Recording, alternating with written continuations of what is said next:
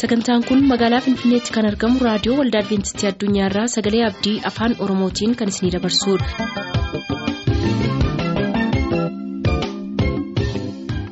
Jaalalaaf nagaan waaqayyoo bakka jirtanitti isiniif haa baay'atu kabajamtoota dhaggeeffattoota keenyaa nagaan keenya inni kabajaa bakka jirtanitti isin haa qaqqabu. Jalqabbii sagantaa keenyaa hawwiidhaan akka eegaa jirtan hin abdanna. Maarreenus kunoo sagantaalee adda addaa qabannee dhiyaanneerra. Amma xumura sagantaa keenyaatti nu waliin tura. Sagantaa maatii keenyaarraa jalatti nu faana turan affeerraa keenya.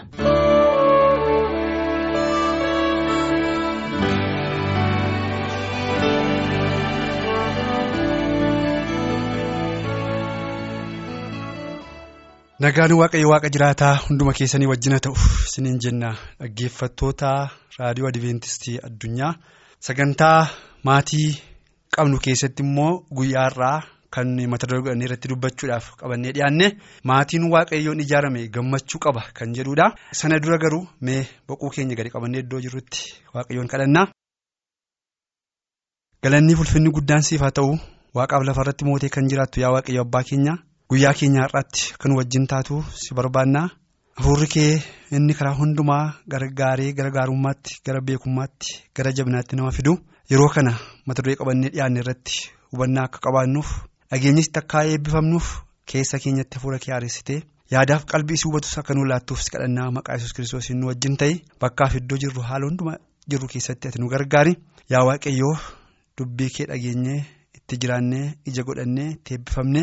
foonittis lubbuudhaanis kan itti eebbifamnu akka taanuuf ayyaanni kennuuf haa baay'atu mana tokko tokko keenyaattis ati nu wajjin galii nu eebbisi gola tokko tokko keenyaatti darbi hir'inaaf qaawwa keenya hundumaa guuti ayyaana kennuuf baay'isi maqaaluma kee gooftaa yesuusiin ameen. maatiin waaqayyoon ijaarame gammachuu qaba kan jedhu mata duree keenya keessatti yommuu kaafne ilaallu mee utuu gara saantiin seeniin heertuu keessaa dubbifannutu jira. Faarsaa daawit boqonnaa dhibbaaf 24 lakkoofsa tokko amma saddeetiitti dubbifna. Heertuun kun akkana jedha. Waa'ee gargaarsa waaqayyoo yaadanii galateeffachuu kaaseetu seenaa saba Israa'el irratti wanta daawit dubbate nu yaadachiisa.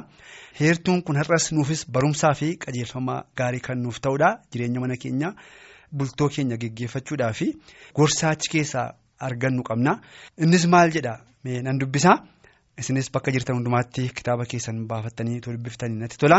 Inni gara keenya goree waaqayyootu ta'uudhaa baatee ha jedhu sabni israa'el yeroo namoonni nurratti ka'anii inni gara keenya gore waaqayyootu ta'uudhaa baatee silaa yeroo aariin isaanii nurratti boba'e sana isaan fayyaatti nu liqimsu turan. Silaa lolaan nu fudhatee in sokka. Bishaan ni bubbisus mataa keenyarra iyya'a ture. Silaa uursaan bishaanii mataa keenyarra iyya'a ture. Waaqayyo inni afaan isaanii keessa nun buusini ulfinaan hajajamu.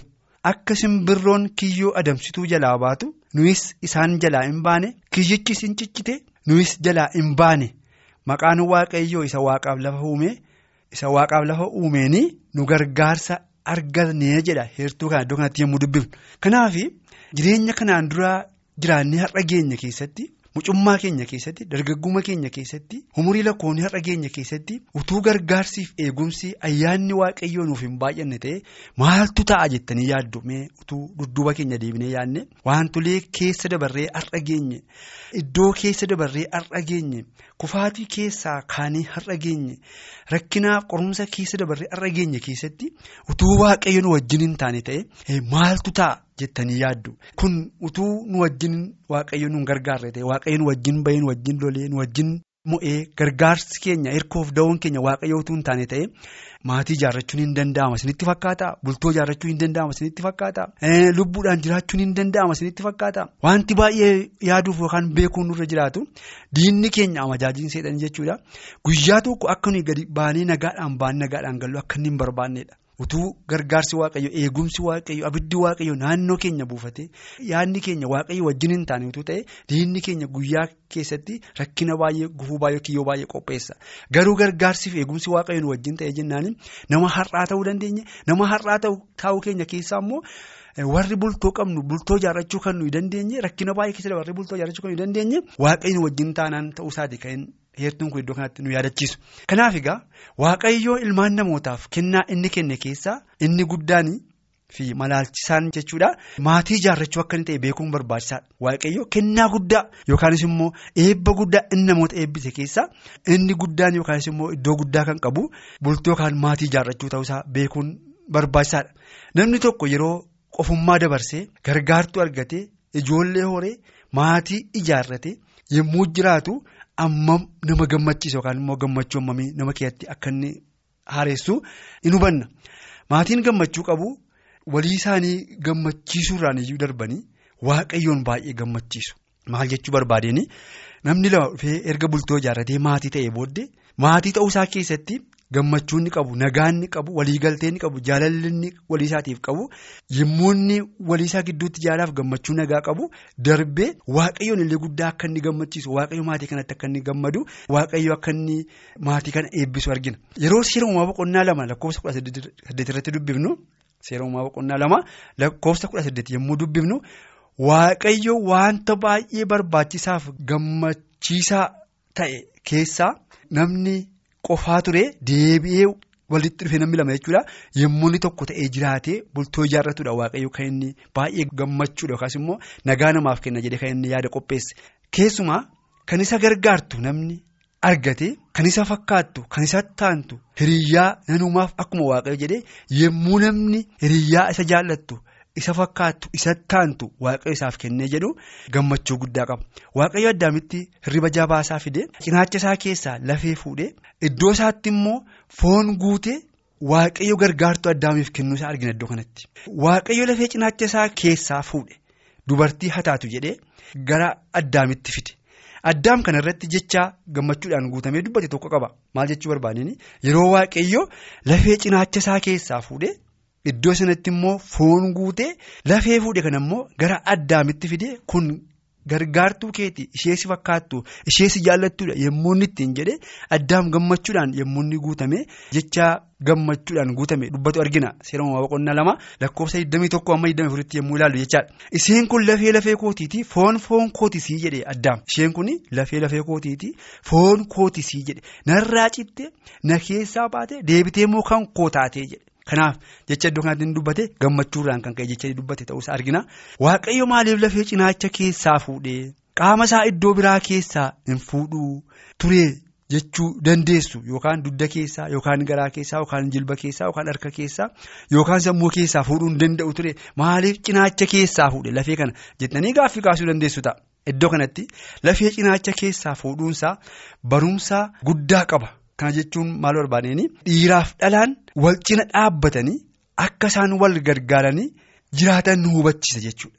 Dhiirri olaantummaa agarsiisuudhaan dhalaanis dhiira irratti olaantummaa agarsiisuudhaan utuu hin ta'in akka wal jaalalaan waaqayyoon jaallachuudhaan walii isaa jaallachuudhaan tokkummaadhaan waliigalteedhaan wal kabajanii wal danda'anii akka isaan jiraatanii wal deeggaranii akka isaan jiraatan kan agarsiisudha jechuudha.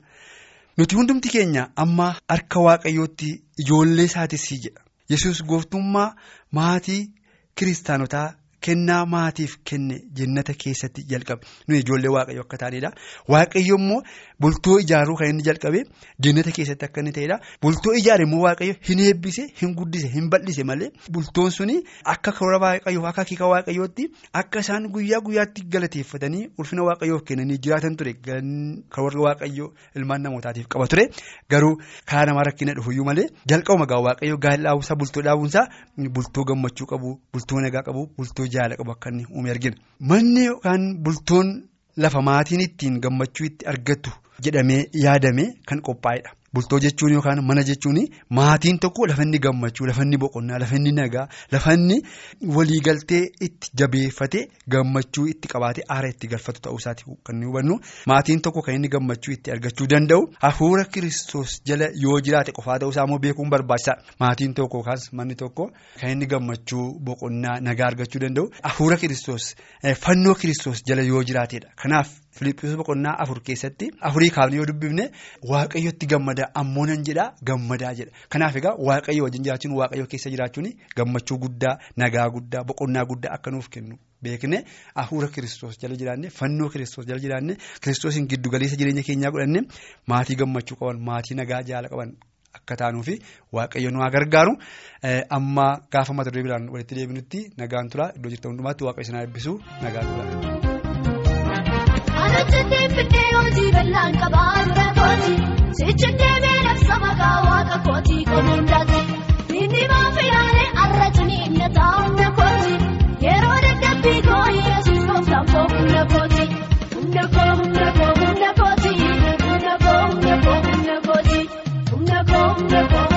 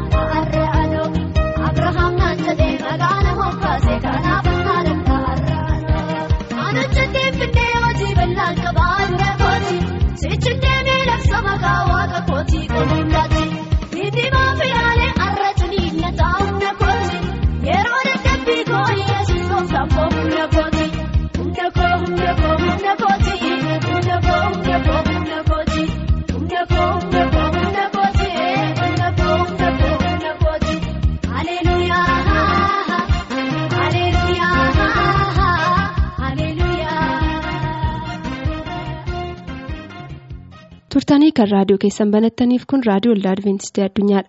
Sagalee Abdii. Muuziqaa kanaan gara sagalee Waaqayyootti dabarru.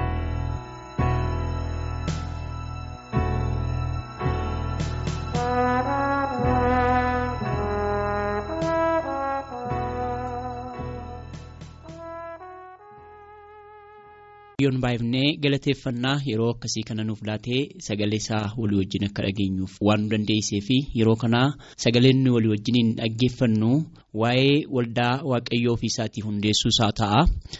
Akkuma macaafni qulqulluun nutti dubbatu namni fedha isaatiin yookaan yaada mataa isaatiin waldaa hundeessuu hin danda'u. Waldaan yaada waaqayyootiin toora waaqayyoo kaa'eef dhaabeenii kan hundoofte akka isheen taate macaafni qulqulluun nutti dubbata. Waaqayyoo waldaa qabeenyaa dhuunfaasaa taatee lafa kanarraa yookaan addunyaa kanarraa akka qabu macaafni qulqulluun nutti hima. Qabeenyaasaa yookaan waldaasaa immoo akka agartuu ija isaatti dallaa itti ijaaree naanna'ee. Akka eeguu macaafni qulqulluun nutti hima. Waldaa isaatii fi waaqayyo of eeggannaa guddaa akka inni godhu waaqayyo waldaa isaatiif jaalala guddaa akka inni qabu macaafni qulqulluun gaarii godhee nutti dubbata. Wanti waaqayyo guddisee jaallatu yoo jiraate namoota dhuunfaasaa ta'anidha. Waldaasaa jechuun namoota kansaa ta'an jechuudha. Kanaaf aniif isinii namoota dhuunfaa waaqayyoo ta'an waldaa waaqayyoo ta'an ta'uudhaaf keessatti of yaaduuf of ilaaluutu nurra jiraata. Macaafa qulqulluu keenya keessaa yoo dubbifannee. Macaafa keessa deebii boqonnaa soddomii lamaa lakkoofsa sagalii amma kudha tokkotti akkana kan jedhu walii wajjin hin dubbifna. Waaqayyo ofii isaatii immoo saba isaa ga'aa isaa hin godhatee yaa'qoobiin dhuunfaa isaa godhee fudhatee jedha. Lafa onaatti isa argee iddoo onaa bineensonni wacan keessatti isaan golboobee gargaare akka agartuu ija isaattis isaan eegee jedha. Dubbii kanarraan kan arginu waaqayyoo kansaa kan ta'anii saba dhuunfaasaa godhatee addaan baafatee yaa'qoobiin akka inni qabu argina. Yaa'qoobiin kan koo jedhee akka inni waame. Kan koo jechuu qofa utuu hin taane iddoo rakkinaatiif iddoo gidiraatti immoo waaqayyo saba sanaa yaa'qoobiin kan koo kan jedheef of eeggannaa guddaa akka inni godhuu fi rakkina keessattillee iddoo dhibeen jiran keessattillee waaqayyo akka inni isaan eegu waadaa akka isaaf galeef macaafni qulqulluun nutti hima. Lafa onaa keessatti yookaan lafa waan tokkoyyuu gargaarsi namaa hin jirretti. Iddoo bineensonni wacan keessatti waaqayyo isaan gargaaree akka dhaabe gargaaruunsaas akkaataa addaatiin akka ta'e macaafni qulqulluun fakkeenyaan utuu nutti himuu argina. Macaafa fakkeenyaa boqonnaa soddomii lama lakkoofsa kudhanirraa akka agartuun ija keenyaa itti libsatutti waaqayyo ijoollee isaatiif amma ammaa libsachuudhaan dallaa itti ijaaree akka inni eegu argina. Lakkoofsa kudha tokkorraa akkana jedha. Akka joobiraa isa mannee isaa eeggatu akka sokkoochoosaa ilmoo isaarra golboobee balali'u akka isaa baallee isaa bal'isee isa qabu isa fiixee baallee isaattis isa qabuutti waaqayyo duwwaatu isa geggeesse malee eenyutu isaa wajjiniin ture jedha. Waldaa waaqayyoo yookaanis immoo saba dhuunfaa waaqayyoo waaqayyoof addaan ba'anii waaqayyo iddoo rakkinaatiif iddoo dhibee keessatti akka inni isaanii wajjin ta'u akka inni isaan geggeessu macaafni qulqulluun utuu nutti dubbatu argina. Waldaan waaqayyoo saba waaqayyoof da'oo dhokataati. Kuni baay'ee kan namatti toludha. Waldaan waaqayyoo saba waaqayyoo fi da'oo dhokataati. Maa inni da'oon dhokataa lafaa namoonni yeroo rakkatanii yeroo dhibamanii yeroo waan rakkinaa jalaa ba'uudhaaf jedhan keessa dhokatanii oolanidha. Lafti kun ijoollee waaqayyootiif kan mijatu miti. Kan ijoollee waaqayyootiif ta'us miti. Ijoollee waaqayyootiif kan isaaniif mijatuuf isaaniif ta'u waaqayyo kan qopheesse samiirradha. Kanaaf lafti kun isaaniif dhiphinadha. Kan isaanitti keessaa ooluu danda'anii yeroo waldaa waaqayyootti makamanii yeroo dubbii waaqayyootiin jireenya isaanii qaban duwwaadha. Kanaaf waldaan waaqayyoo gabaabaa'umatti da'oo dhokataati. Seexanni immoo xiyyeeffannaan balleessuuf barbaada. Maaliif ijoolleen waaqayyoo akka isaan jiraatan hin barbaadu waanta ta'eef waldaa waaqayyoo keessatti ijoollee waaqayyoo balleessuuf yaalii guddaa godha. Waldaan kurfa'anii waaqessuun sababii ga'aa macaafa qulqulluu keessaa qaba. Akkasumattiin ta'e jedhee namni waldaa mataa isaatiin dhaabuu hin danda'u. Haa ta'uyyuu maleessaa waldaan waaqayyoo akka waldaatti akka kurfooftuuf macaafa qulqulluu keenya keessatti sababii ga'aa macaafa qulqulluu keessaa arganna. Yookaan tooraan ka'amuun tooraan adeemuun maaliif akka ta'e macaafni qulqulluu keenyatu nutti himu argina. Sababii isa jalqabaa waaqayyo waldaa kan ijaareedha jedha. Eeyyee namni ofii isaatiin waldaa ijaaruu hin danda'u. Waaqayyo inni biyya lafaa uumee inni biyya lafaa kana diriirsee inni fayyisaa namootaa ta'ee akkasuma immoo waldaa kiristaanaa kan hundeessedha. Inni namoota uume akkasuma immoo waldaa kiristaanaas kan uume yookaan kan bu'uuresse kan ijaareedha. Gooftaan Phexroosiin Wangeela Maatiyus boqonnaa kudha ja'a lakkoofsa kudha saddeet keessatti ani dhagaa hin sochoone kanarratti waldaa kiristaanaa koo nan ijaaraa utuu jedhu argina. Dhagaa hin sochoone kanarratti waldaa kiristaanaa koo nan ijaaraa utuu jedhu argina. Eeyyee macaafa faarfannaa dhibba tokkoof digdamii torbaa lakkoofsa tokko irratti yoo waaqayyo mana ijaaruudhaa baate ijaartuun ofiin dhamaatii jedha. Dubbii kanarraas kan hubannu waaqayyo kan mana ijaaru kan jedhuu fi macaafni qulqulluun keenya sagalee ga'aadhaa fi dubbii jajjabeessaa ga'aa ta'e anaaf isinitti dubbatu argina. Ijaaree immoo hojii isheetti kennee hojii itti kennetti immoo kan itti amanuu fi kan itti gammaduudha. Waaqayyo waldaa kiristaanaa ijaaree akkasumaan hin dhiibne waan isheen raawwattu kaayyoo adda ta'e isheedhaaf qabu isheetti kenne. Yeroo isheen hojii kana hojjettu immoo waaqayyo hojii kana hojjechuu isheetiif kan itti gammaduu fi kan ishee wajjiniin ba'u akka ta'e waadaa isheedhaaf galee argina. Karaa dhugaadhaaf tolarras isheen geggeessa. eenyuun waldaa kiristaanaa waaqayyo karaa dhugaadhaaf karaa tolaarraa ishee geggeessa waaqayyotu ishee geggeessa nama garabaa miti dhugaaf qajeelummaas ishee keessatti arguu barbaada. Lafa kana irratti miti waaqayyo dhugaaf qajeelummaa kan inni keessa barbaadu.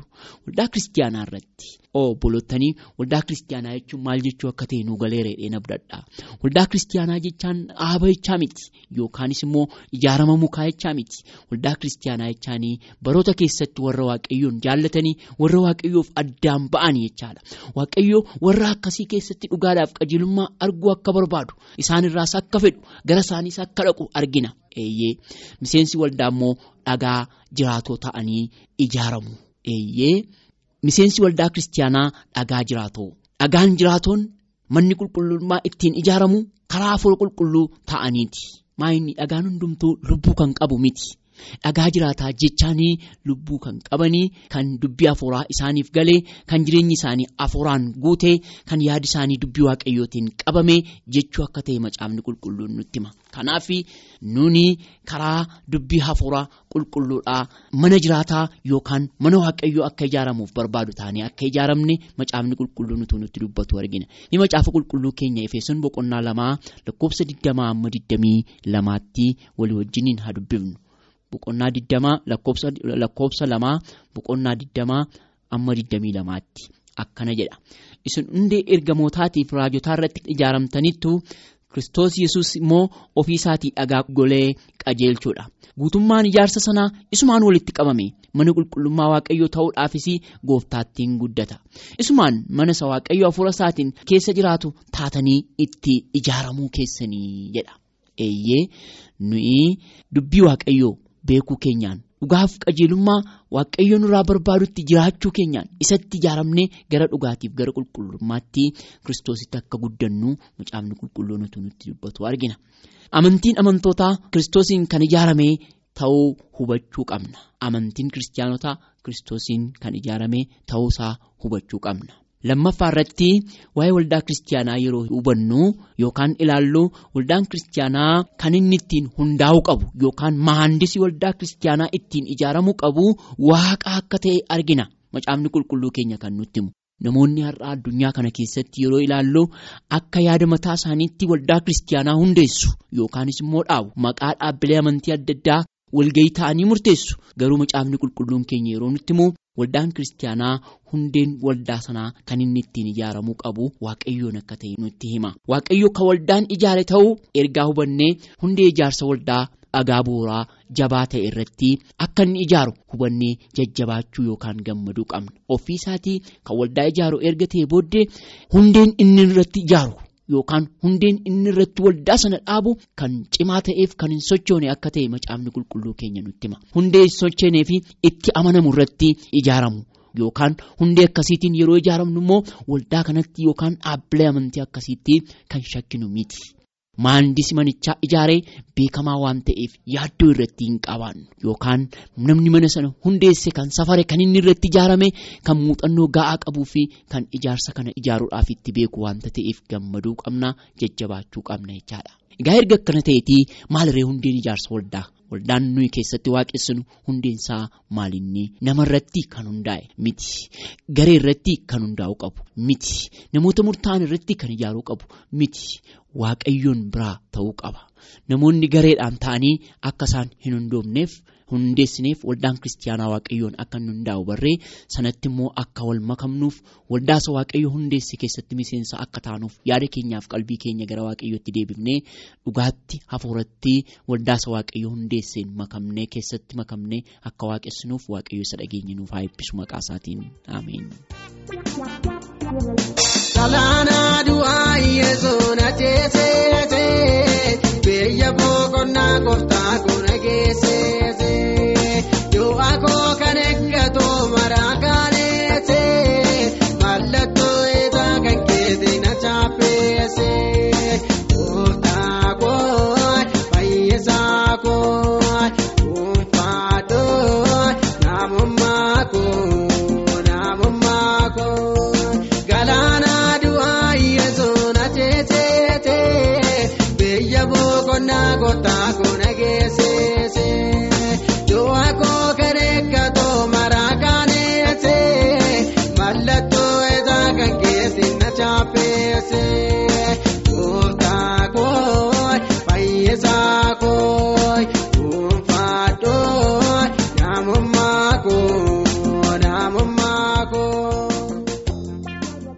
Sagantaa keenyatti eebbifamaa kan nu waliin turtan hunda keessaniin waaqayyo isin eebbisu isiniin jenna.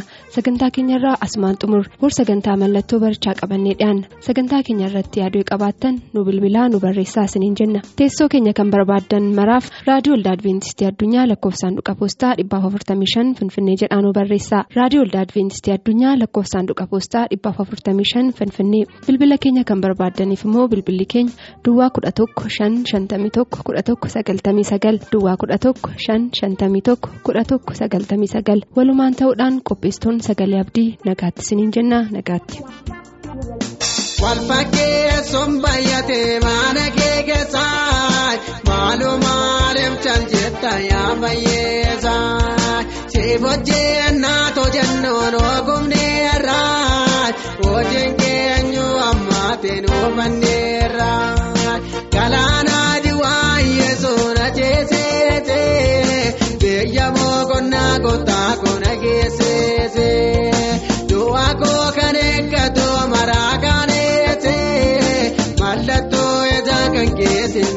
kaaneesse